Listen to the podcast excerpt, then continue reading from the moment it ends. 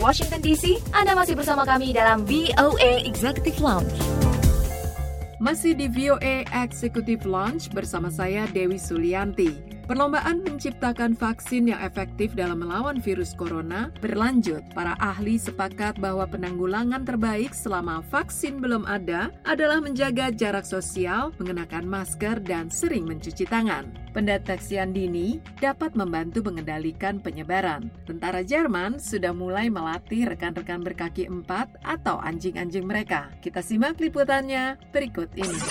Para pelatih di sekolah khusus untuk melatih anjing militer di Ulm, Jerman, baru-baru ini menguji senjata baru dalam perang melawan virus corona. Menteri Pertahanan Jerman, Annegret Kramp-Karrenbauer, mengatakan program pelatihan anjing ini belum pernah ada sebelumnya. The school is unique for the military, but even in an international context, it is a special asset that we can offer. Here it is not just people being trained at school, but dogs and people training side by side. Sekolah ini unik bagi militer, bahkan dalam konteks internasional. Ini merupakan suatu aset khusus yang dapat kami tawarkan. Bukan hanya orang-orang yang dilatih di sekolah ini, tetapi anjing dan orang juga dilatih berdampingan. Anjing-anjing tidak dapat mengendus virus yang sebenarnya, tetapi mereka dapat mendeteksi perubahan biokimia yang ditimbulkan virus dalam air liur. Anjing-anjing ini dapat mendeteksi dengan sampel berukuran sekecil 100 mikroliter. To put it simply, we're investigating whether service dogs can be used to detect COVID 19.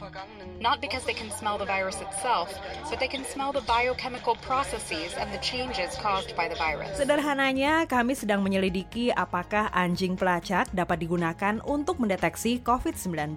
Bukan karena mereka bisa membawa virus itu, tetapi mereka bisa mencium proses biokimianya dan perubahan yang disebabkan oleh virus. Krem Karen Bauer mengatakan, walau hasil tes sudah menggembirakan, penelitian akan diteruskan. I want to make clear here the next steps.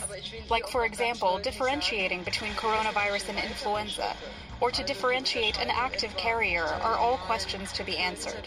And so we'll need more months to be able to offer up clear results. Saya ingin menjelaskan langkah-langkah selanjutnya, misalnya dalam membedakan virus corona dan virus influenza, atau dalam membedakan carrier virus yang aktif. Semua itu adalah pertanyaan yang harus dijawab. Oleh karena itu, kami membutuhkan waktu berbulan-bulan lagi supaya mendapat hasil yang jelas. Pelatih anjing militer dan Fakultas Kedokteran Hewan Universitas Hannover saat ini sedang meneliti berbagai jenis ras anjing dengan sistem insentif, di mana anjing akan mendapat upah camilan setelah berhasil mengidentifikasi air liur yang tercemar oleh COVID-19.